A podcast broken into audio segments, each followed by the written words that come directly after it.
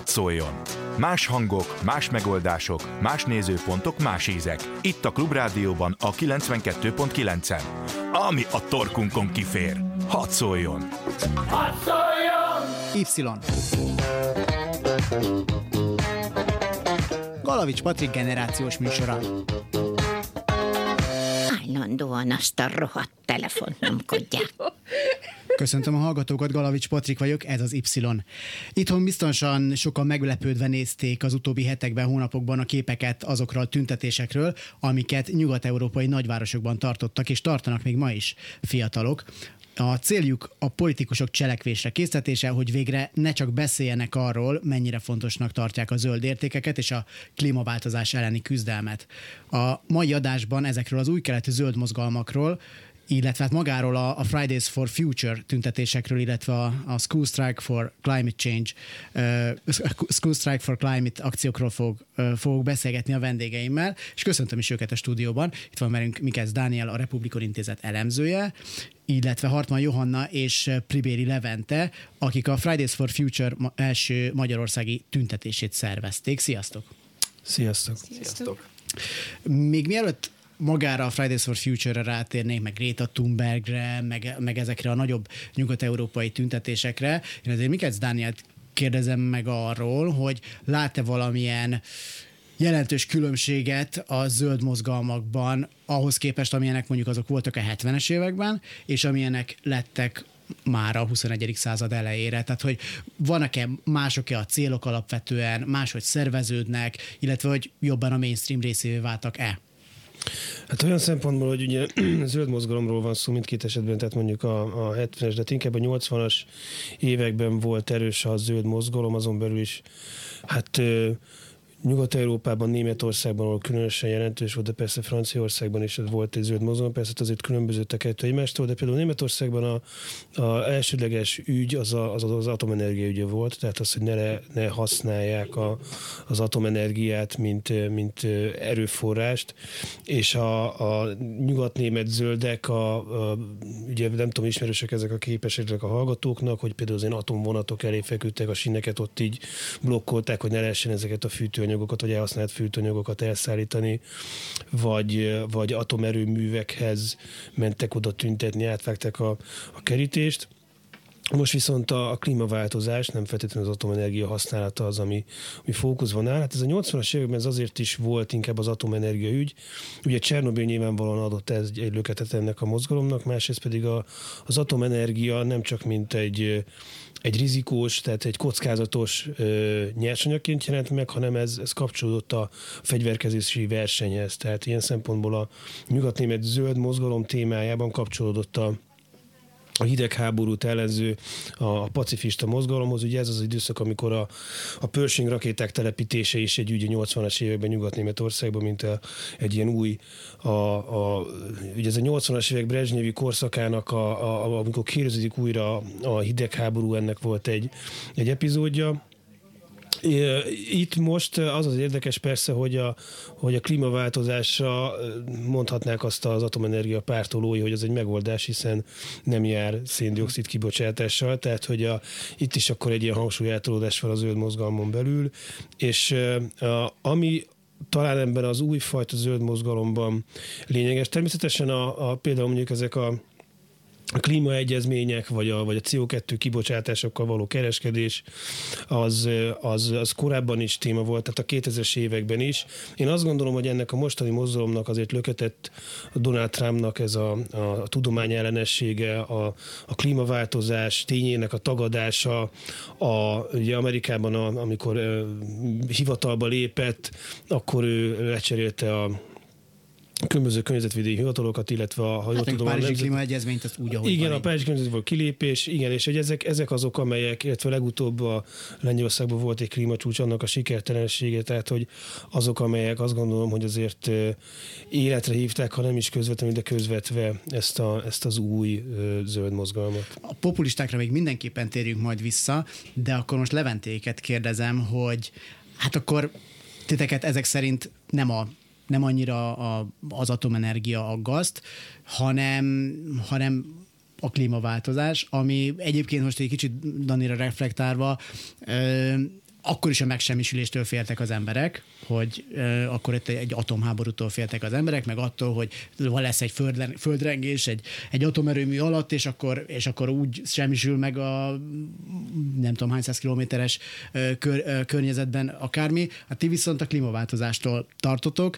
Uh, hogyan jutott el hozzátok ez, a, ez az egész? Mert azt látjuk, hogy uh, hogy Nyugat-Európában tényleg rengetegen, több ezren vonulnak utcára. Én is, amikor Brüsszelben voltam körülbelül egy hónapja, teljesen másokból egyébként, akkor a szállodámhoz közel volt éppen az akkor aktuális klímatüntetés. Ti hogy látjátok, hogy Magyarországra ez miért élt el kevésbé? És miért mozgatja meg kevésbé az embereket, mint titeket? Hát először is én úgy gondolom, hogy ami egy nagyon új dolog a klímaváltozással kapcsolatban, vagy a globális problémákkal, hogy ugye ezek már az egész világot érintik. Egyre többet tudunk meg a tudományos eredmények alapján arról, hogy mennyire riasztó az a jövőkép, ami előttünk áll. Ugye egyre többen tudják azt, hogy jelenleg a föld, földi élet kialakulása óta a hatodik kihalási hullám zajlik a Földön. Tehát ezek már olyan tények, ami mellett nem mehetünk el szó nélkül. És szerintem ami, ami újdonság az az, hogy régebben nem biztos, hogy voltak jobb megoldások. Ma viszont már rengeteg új megoldásunk van. Tehát egyrészt nagyon sokat tudunk arról, hogy milyen gazdasági átalakulásra lenne szükség. Tudjuk azt, hogy a társadalmi szemléletváltozásban mire lenne szükség ahhoz, hogy egy sokkal fenntarthatóbb és egy tényleg jó irányba mutató, hogy jó irányba mutató döntések szülessenek ugye rengeteg technológiai fejlesztés is történt. Tehát igazából itt az a nagyon-nagyon riasztó, hogy sorra jönnek a tudományos eredmények, amik megoldási lehetőséget kínálnak. Tehát az IPCC jelentés például, ami ugye tavaly is megjelent, ebben is fel vannak sorakoztatva azok a célok, amiknek az elérése az igazából lehetséges lenne. Itt arra lenne szükség szerintem, hogy a gazdasági növekedés az ne legyen ennyire előtérben. Tehát sokkal fontosabb lenne a hosszú távú fenntarthatóság, az, hogy a mai fiatalok jövője, mert ugye erről beszélünk már, tehát teljesen egyértelmű, hogy a mi életünkben, tehát az én életemben ezek, ezen, ennek a, a mostani rossz döntéseknek kézzelfogható következményei lesznek. Ugye még mindig nem beszélünk arról, hogy például a klímaváltozásnak Magyarországra nézve pontosan milyen következményei lehetnek.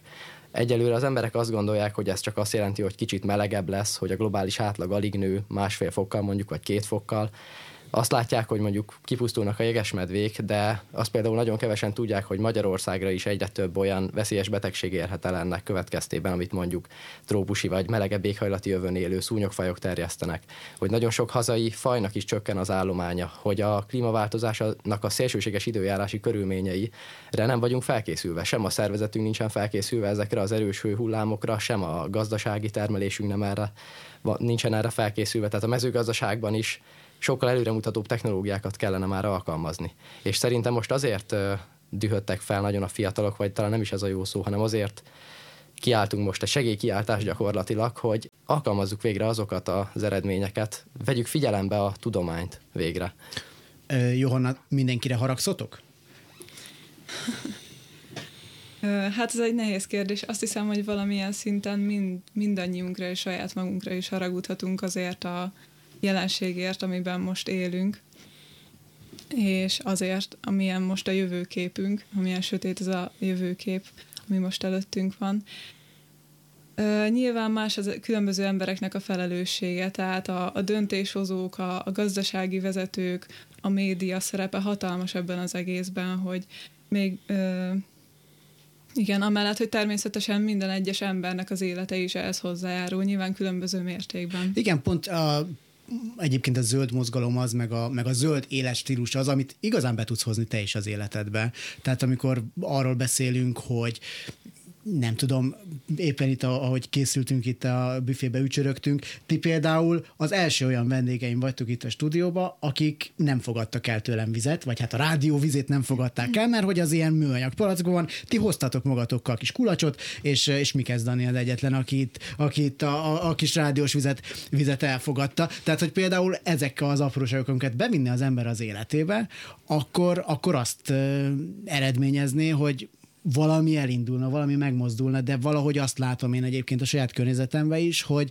hogy ez nem megy olyan könnyen, és nem csak az idősebbek körében, mert az idősebbekre lehet legyinteni, hogy hát ő nekik most már úgyis mindegy, meg ők is így állnak ehhez hozzá sajnos, de én amikor fiatalokkal beszélgetek, és akkor azt mondom, hogy én például vegán vagyok, és az egyik, egyik ok, amiért vegán vagyok, az kifejezetten a, a környezeti szempontok, és akkor a, a visszakérdést megkaptam, hogy na most, de azért fürdesz?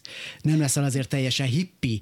És, és ez, ez az, ami egy kicsit szerintem elkeserítő itt Magyarországon, de ahogy itt most titeket hallgattalak, azért ezzel a zöld mozgalommal kapcsolatban, meg, a, meg magával a mozgalommal kapcsolatban nekem az a feltűnő, és nem véletlenül tettem fel azt a kérdést sem, hogy haragszatok-e mindenkire, mert úgy látom, hogy ennek van egy ilyen erős, ilyen establishment ellenes éle. Tehát amit itt Levente is elmondott, hogy a gazdasági mm, fejlődést sem úgy kellene nézni feltétlenül, hogy a, hogy a növekedés az, az megvan-e, meg a GDP az 5-6 százalékkal megint följebb mente, az, az egy nagyon komoly támadás itt az establishment ellen, és, és Danitól kérdezem, hogy hogy ez korábban is jellemző volt, vagy ez most egy ilyen újdonság a, a zöld mozgalomban?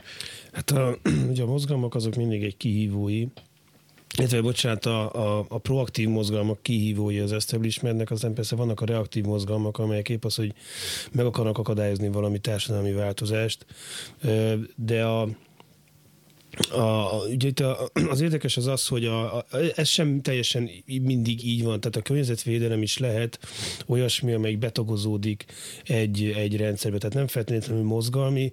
A 90-es évben például a környezetvédelmi non-profit szektor az igen széles volt, de ebben nem volt olyan politikai kritika, vagy egy rendszer kritika, mint ami a 2000-es években megjelent. És létezik olyan fajta környezetvédelem is, ami inkább a a, a környezetvédelem az egy olyan ügy, ami sokan mondják, hogy ez fontos, tehát, hogyha valakit megkérdezünk, hogy jó dolog-e a környezetvédelem, akkor azt mondanak az emberek 90% hogy igen.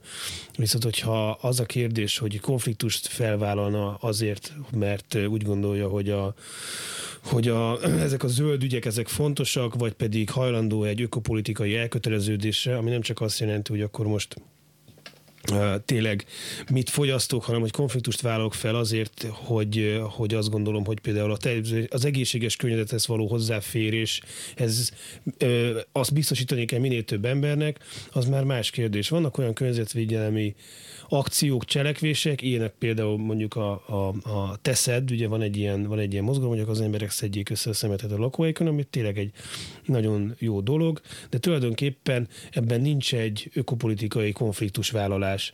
Tehát nem kérdezni meg valaki azt, hogy akkor hogyan történik, a, ahogy erről most így beszéltünk, a, a gazdasági, a termékek előállítása, hogyan, hogy néz ki a gazdaság, milyen érdekek mentén történik a, a politikai döntéshozatal.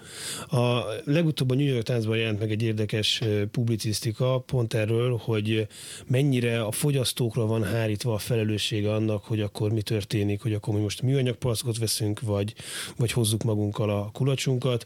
Ugye, ha most az idősebb korosztályról van szó, azért a mostani idősebb korosztály emlékszik arra, hogy nem voltak műanyag palackok, hanem mindent vissza lehetett vinni, mindenem betétdíj volt, még a befőttes üveg is betétdíjas volt.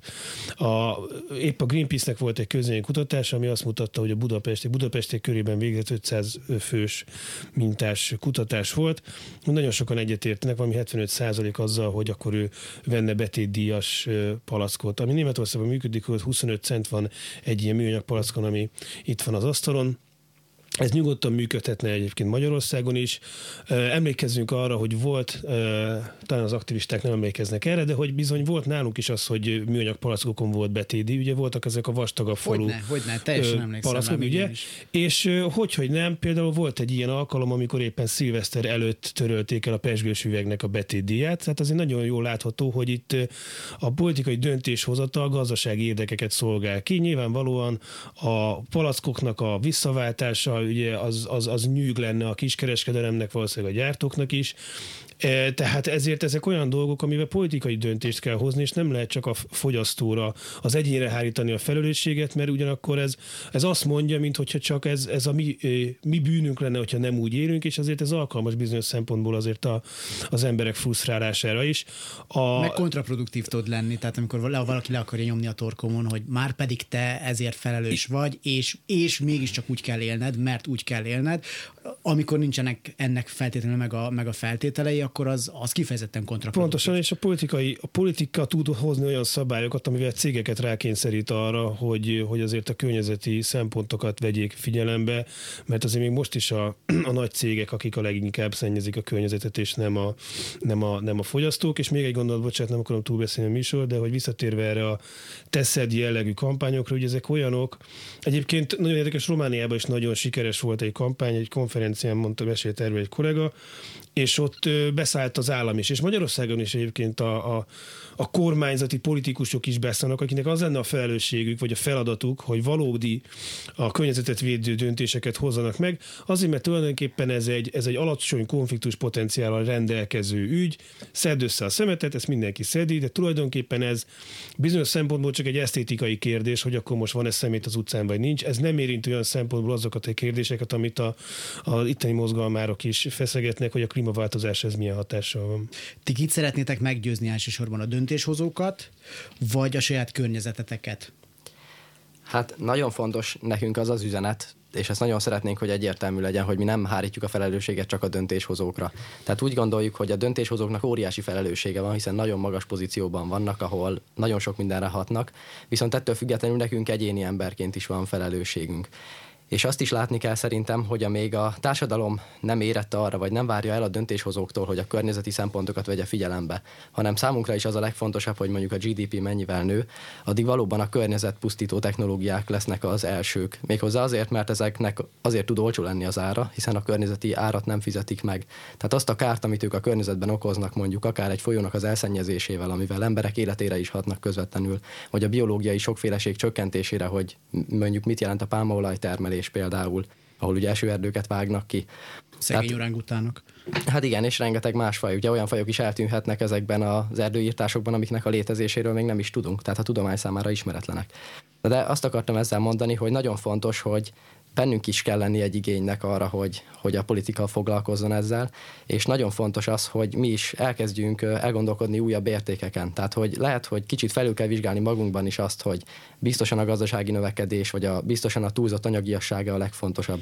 Tehát szerintem szükség van egy társadalmi szemléletváltásra is, hiszen enélkül nem várhatjuk el a politikusoktól sem, hogy, jobb döntéseket hozzanak, hiszen hogyha mi a saját kis szintünkön, ahol nagyon könnyen változtathatnánk, nem változtatunk, akkor egy magas szinten ez szerintem nehezen elvárható. De nyilván ott óriási a felelősség.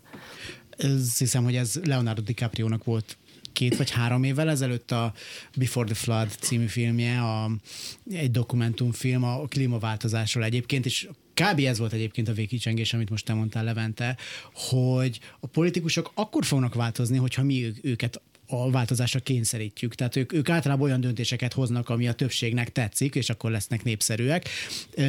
Ebből a szempontból, Johanna, te mit gondolsz, hogy, hogy te a környezetedet hogyan tudod meggyőzni, vagy, vagy, vagy miben segíthet ez a, ez a mozgalom itt Magyarországon, hogy a, hogy a politikusok is azt mondják végre, hogy valamit, valamit teszünk. Mert ugye egyelőre azt látjuk, hogy nem mozdult meg annyi, annyi ember itt.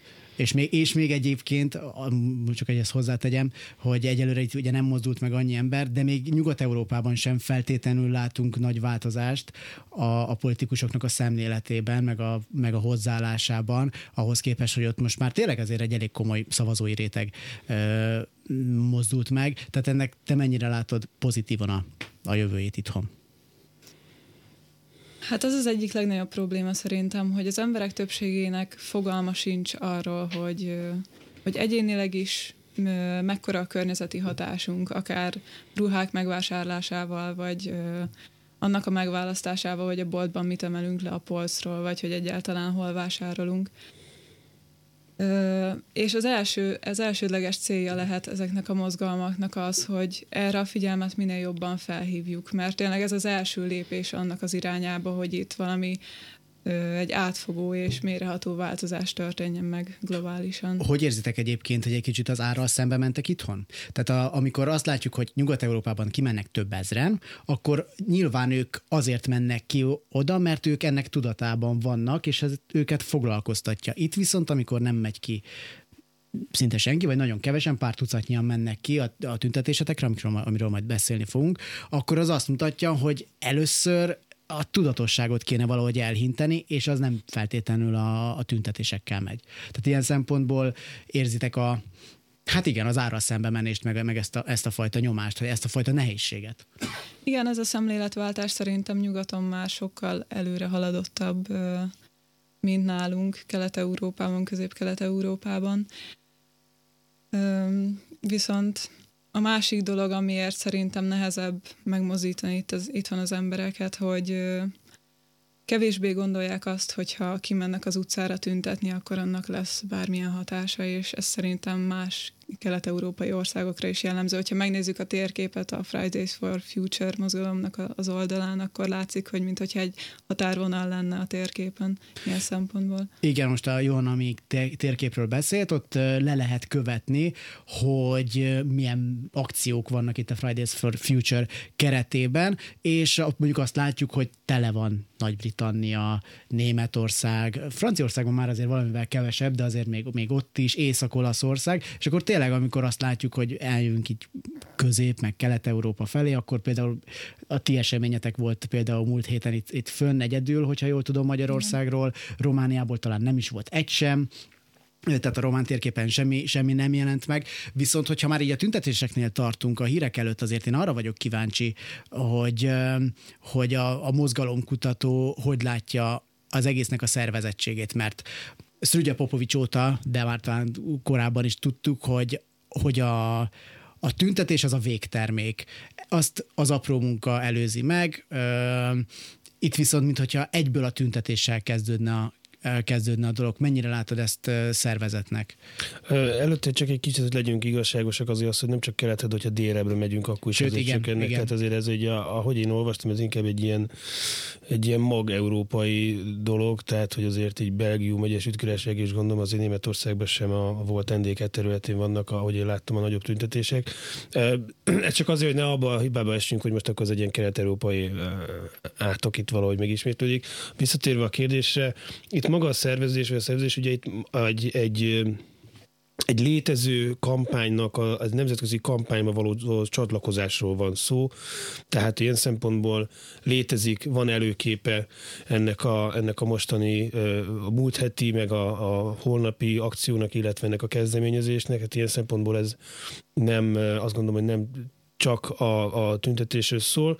Másrészt az, hogy mi az apró munka, hát én megkérdeztem az aktivistáktól, hogy ők esetleg természetjárók, és hogyha jól emlékszem, hogy azt mondtátok, hogy, hogy foglalkoztak ilyesmivel, tehát itt már létezik egy elköteleződés, hogyha, hogyha ezt, így, ezt így jól látom, tehát ilyen szempontból nem, nem légből kapott.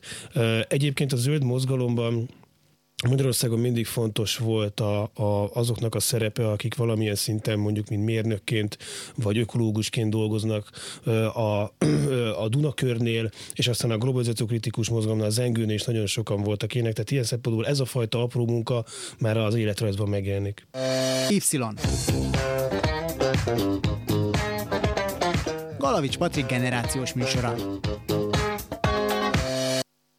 Köszöntöm a hallgatókat ismét, a stúdióban Mikesz Dániel, Pribéri Levente és Hartman Johanna, akikkel az új keletű zöld mozgalmakról és a Fridays for Future-ről beszélgetünk, és a, a hírek előtt Mikesz Dánielt kérdeztem arról, hogy el végezve az az apró munka a Fridays for Future-nél, ami alapvető, vagy alapvetőnek tekintünk egy, egy mozgalomnál, és Levente már nem tudott megszólalni, mert jöttek a hírek, de most majd meg fog tudni szólalni, és ő reagál erre az apró munkás megjegyzésemre. Hát két részben reagálnék. Az egyik, hogy persze a tüntetésnek van egy szervezési része, amivel valóban nem voltunk tapasztaltak, tehát ez az első ilyen szervezésünk, és ugye ez teljesen civil, tehát mi hétköznapi emberekként szerveztük ezt. Tehát ez a része ez valóban nem volt profi, viszont nagyon régóta foglalkozunk már gyakorlati természetvédelemmel, és körülbelül tíz éve, és igyekszünk minél többet tenni azért, hogy megőrizzük a természetet. És nagyon sokáig ez tényleg abból állt, hogy mi nagyon fontosnak tartottuk a természetet magát, hogy mennyire különleges dolog a biológiai sokféleség, és aztán így egyre inkább megértettük azt, hogy nekünk is van egyéni hatásunk a világra. Az, hogy mi hogyan élünk, az nagyon sokat számít. Aztán megértettük azt is, hogy mi is teljesen képtelenek vagyunk életre a természet nélkül, és ez ma szerintem egy nagyon-nagyon gyakori tévhit, hogy a természetvédelmet valamilyen művészeti irányzatnak nézzük talán, vagy nem is tudom, tehát ami szép, de ugyannyira nem kell. Hogyha van rá pénz, esetleg lehet. De közben meg ez az egyetlen olyan rendszer, mint a természet, ami emberek tömegeinek nyújt ugye tiszta levegőt, meg vizet, tehát ivóvizet, akkor táplálékot, ugye beporzás, meg egy csomó ökoszisztéma szolgáltatásnak nevezzük ezeket.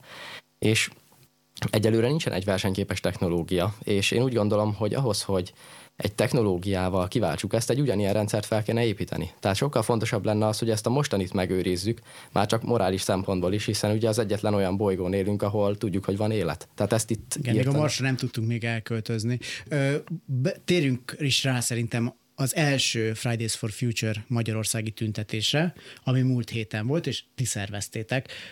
Hogy sikerült? Hogy értékelitek így, így egy, hét, egy hét után most már kijöttetek a, az első sokból, vagy az első örömből. Hogy sikerült tényleg? Mi pozitívan értékeltük, egy elég hirtelen meghirdetett esemény volt, tehát előző nap tudtuk feltenni az eseményt a rendőrségi bejelentés elhúzódása miatt. Hát nem voltunk nagyon sokan összesen a nap Hol. Egyébként hol ez a Kossuth téren Ez volt? a Kossuth téren volt a parlament előtt, igen.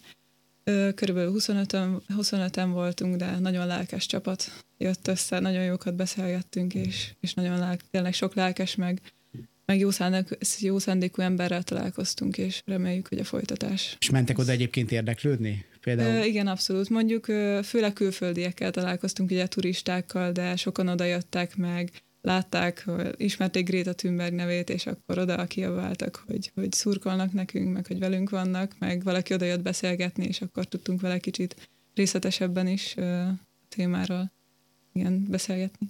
És folytatjátok majd ezeket És a... folytatjuk, igen. Holnap is lesz, hogyha jól igen, tudom. holnap is lesz. Délután fél kettőtől ötig leszünk a Kossuth téren. Most direkt szűkítettük az intervallumot, tehát ugye a múltkor reggel 9-től délután 5-ig voltunk ott, így nagyon elhúzódva érkeztek az emberek, tehát azt szeretnénk, hogyha holnap minél szorosabb idő tartamon belül lennénk ott ugye többen. És hát ezt a jövőben is tervezzük folytatni. Ugye van egy Facebook oldalunk, a Fridays for Future Magyarország Facebook oldal, ahol mindig meghirdetjük az eseményeket, illetve mi Johannával a következő hetekben minden pénteken kint leszünk a Kossuth téren, és lesznek majd nagyon meghirdetett tüntetéseink is. Mi a pontos cél? Tehát mivel lennétek elégedettek jövő ilyenkor például? Hát ugye a célunk az több felé is szól. Az egyik az, hogy szeretnénk minél több ember figyelmét felhívni arra, hogy valójában most kezdünk átélni egy krízist, vagy egy krízisben élünk, ami már elkezdődött, és nagyon sürgető azt, hogy ezen minél hamarabb változtassunk. Ugye itt mondom, megint nem arról van szó, hogy most sajnálunk egy-egy kihaló fajt, számomra ez is fontos, de a legtöbb embernek talán az a fontosabb, hogy a gyermekei, az unokái vagy az ismerősei, azok nagyon komoly nélkülözést, és hogyha így haladunk, akkor környezeti katasztrófákat fognak átélni. Tehát szeretnénk, hogyha a média hiteles információkkal látná el az embereket ezen a téren, a következményekről beszéljünk, és beszéljünk arról, hogy vannak megoldási lehetőségek. Most hiányoljátok egyébként a médiának a hiteles információval való ellátását?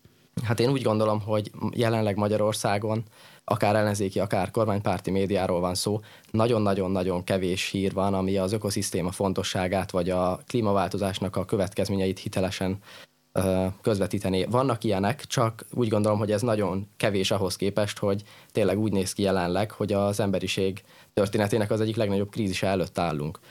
Uh-huh. Csak azért, mert most egy kicsit magunkat is megvédjem itt a klubrádióban, meg, meg hogyha én a Facebook falamat most végignézném, akkor nagyon-nagyon nehéz úgy ö, áttekernem rajta, hogy ne jöjjön szembe valamilyen klímaváltozással kapcsolatos hír, vagy egyébként tudományos áttöréssel kapcsolatos hír, akár magyar oldalakról, akár, akár külföldi oldalakról főleg, de egyébként itt a klubrádióban is, hogyha látunk egy ilyen hírt, akkor szinte biztos, hogy már itt szoktam is vele viccelődni, hogy hát akkor 7 óra 40-re be is írhatjuk Kürge Forzasz Diánát, mert hogy, mert hogy ő majd biztos beszélni fog arról, hogy a klímaváltozással mi történik. Szóval én nem, nem feltétlenül érzem ezt, hogy ez olyan alul reprezentált dolog lenne, de az tény és való, hogy egyelőre még több szó esik a, nem tudom, az iparkamara gazdasági évnyitójáról, hogyha arról van szó, hogy ott, hogy ott mi hangzott el, mint, mint egyébként. Viszont Johanna említett egy nagyon fontos nevet, Greta Thunberg, vagy Thunberg, ezek szerint Thunbergnek kell mondani, nem, nem, nem vagyok otthon annyira a svédben. Ő ugye egy 16 éves svéd lány, és gyakorlatilag ő indította el a mozgalmat, hogyha, hogyha jól értem tulajdonképpen. Igen, és szerintem ez is a mozgalomnak az egyik különlegessége, hogy egy nagyon speciális helyzet az, hogy egy ilyen ember az arca ennek a mozgalomnak, egy 16 éves kislány, aki szinte még 16 évesnek sem néz ki, viszont ugye tudni kell róla, hogy Asperger szindrómás, és ezzel az is együtt jár, hogy az átlagon felüli intelligenciával rendelkezik, és valószínűleg ezért is van az, hogy nagyon tisztán és logikusan és egyszerűen ki tud mondani olyan igazságokat, amit az emberek többsége érez, hogy tényleg egyszerűen igaz, és ami mellett mégis elmennek a politikusok, a döntéshozók, és mi magunk is. És igen, nem csoda szerintem, hogy ez, ez nagy feltűnést kelt. Jól választott magának arcot a, a mozgalom? Tehát Greta Thunberg egy ilyen eladható figura a maga most abszolút nem deonestáló módon mondom, hogy a maga autizmusával, és, és tényleg ezzel az őszintességével, meg ezzel a, meg ezzel a logikus érvelésével?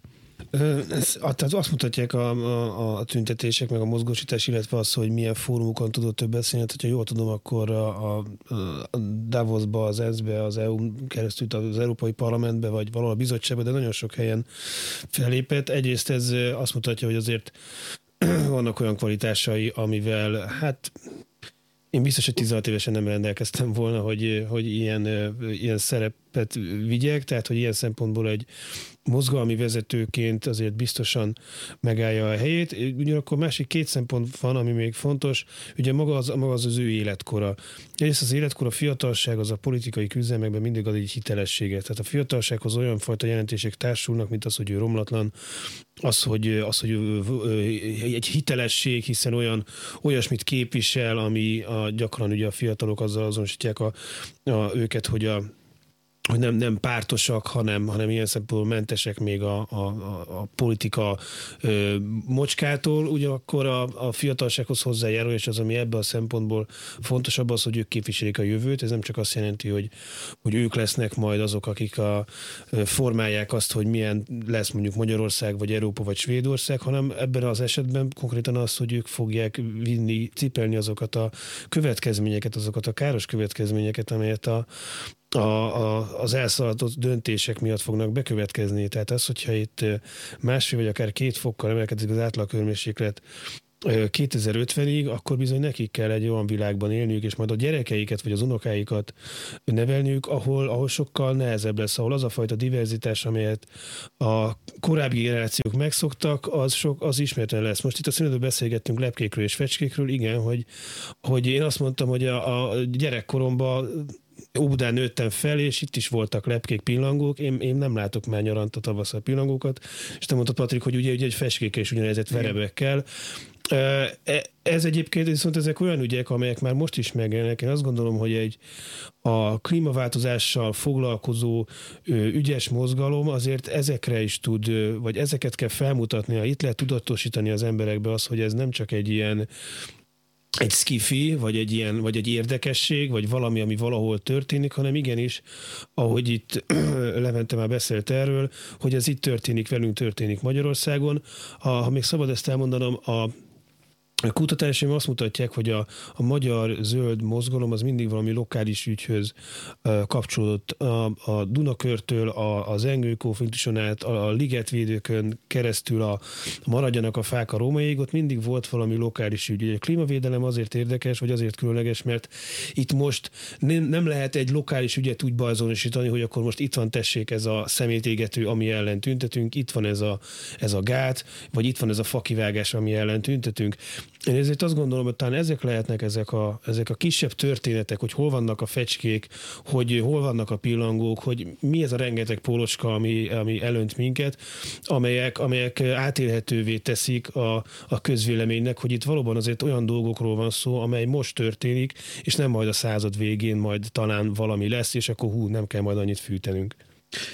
Ugye Greta Thunberg vagy Thunberg, most erről, erről, aki hallgató egyébként tud svédül, azt kérem írja meg, hogy hogyan kell pontosan kiejteni az ő nevét, mert most már nagyon érdekel, de hogy ő úgy kezdte az az egész mozgalmat, hogy nem ment iskolába. Tehát leült, leült az iskolája elé, és azt mondta, hogy sztrájkolni fog, és egyébként Nyugat-Európában a tüntetések mellett ugye az iskola sztrájkok azok, amik elérik az inger küszöböt, olyannyira elérik az inger küszöböt, hogy politikusok most már reagálnak rá, hogy ö, általában azt, hogy hát srácok, ezt nem kéne. Tehát Tereza May ö, ennyire savanyúan még, még a Brexitről sem beszélt tulajdonképpen szerintem, mint, mint a, azokról a srácokról, akik effektíve sztrájkoltak, és nem mentek iskolába, mert azt mondják ugye Grétáék, hogy minek menjek iskolába, minek tanuljak, hogyha nincsen jövő.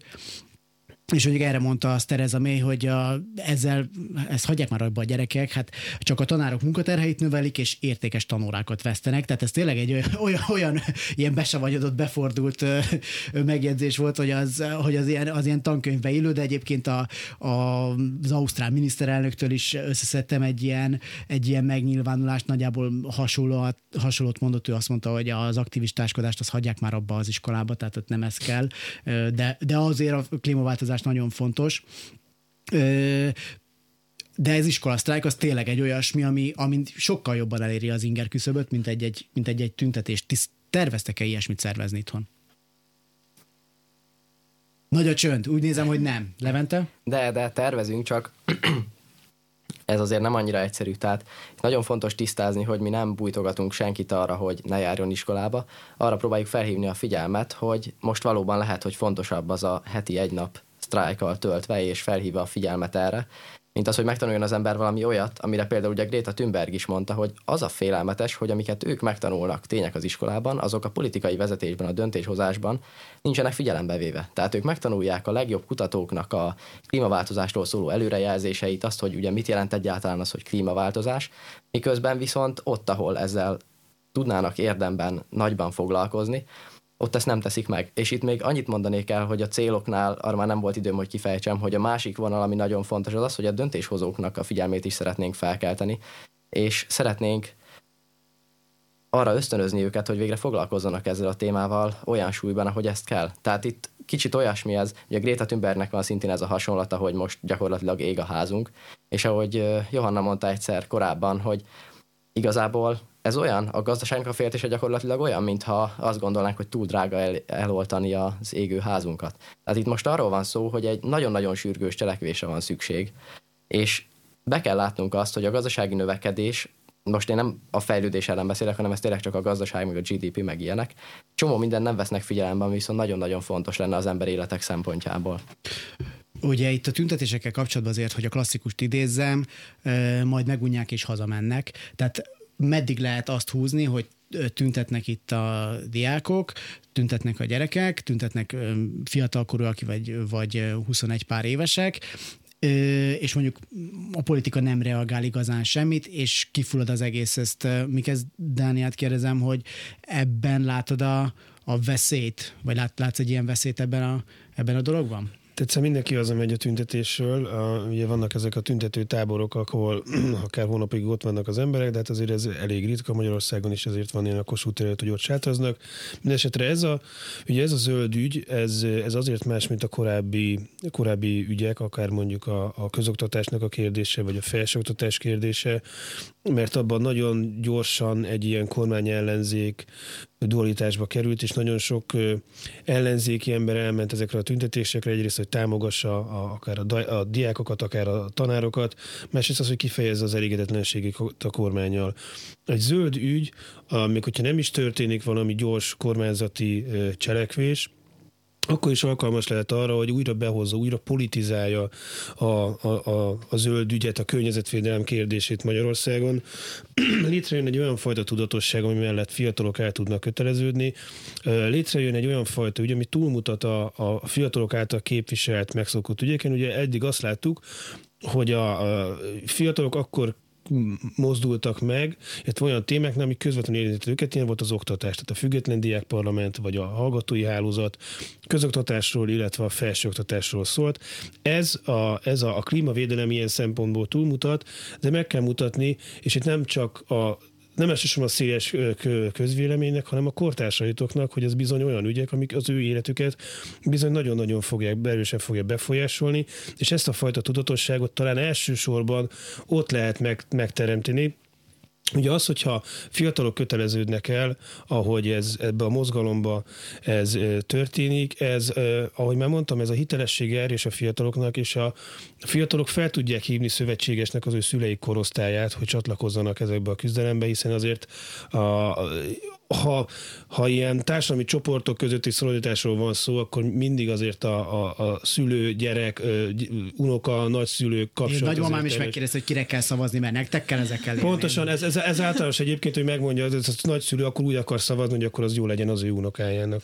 Ö, azt mondtam még, a műsor elején szó esett a populistákról és Donald Trumpról, és azt mondtam, hogy még mindenképpen beszéljünk róluk, és most már nagyon szorongat minket az idő, de szerintem ez, ez tényleg nagyon fontos.